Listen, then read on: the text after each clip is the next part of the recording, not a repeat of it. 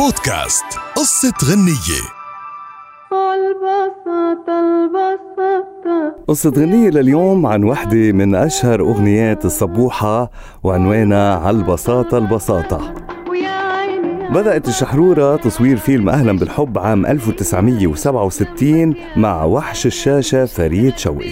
واللي بيحكي قصة حب فتاة ميسورة الحال لشاب بسيط ماديا واجتماعيا.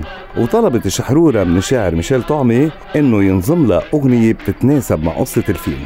وبعد إنجاز الكلمات أسندت إلى الملحن السوري سهيل عرفة تلحين الأغنية. وباجتماع ضم طاقم عمل الفيلم للاستماع إلى أغاني هذا الفيلم ما عجبت أغنية عالبساطة البساطة وحش الشاشة فريد شوقي بطل هالفيلم وإجا الرفض الأول لهذه الأغنية المنبوذة من بطل الفيلم.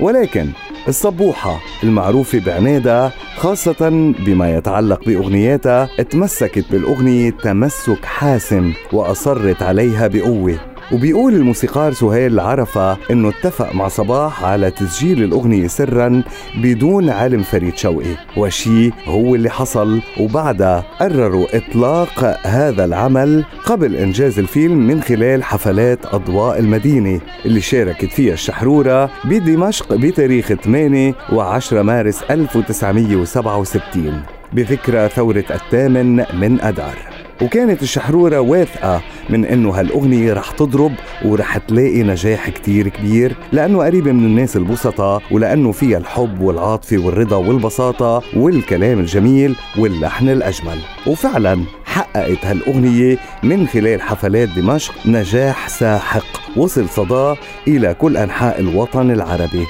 وحفلات أضواء المدينة كانت تذاع مباشرة على الهواء عبر الإذاعات المصرية والسورية في آن واحد.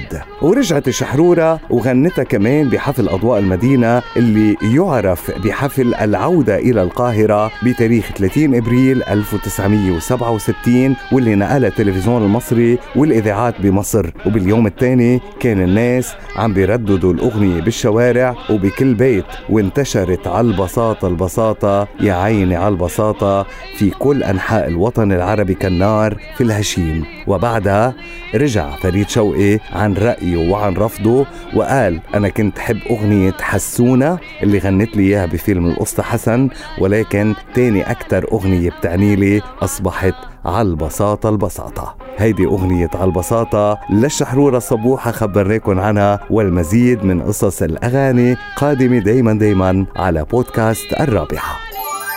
بودكاست قصة غنية.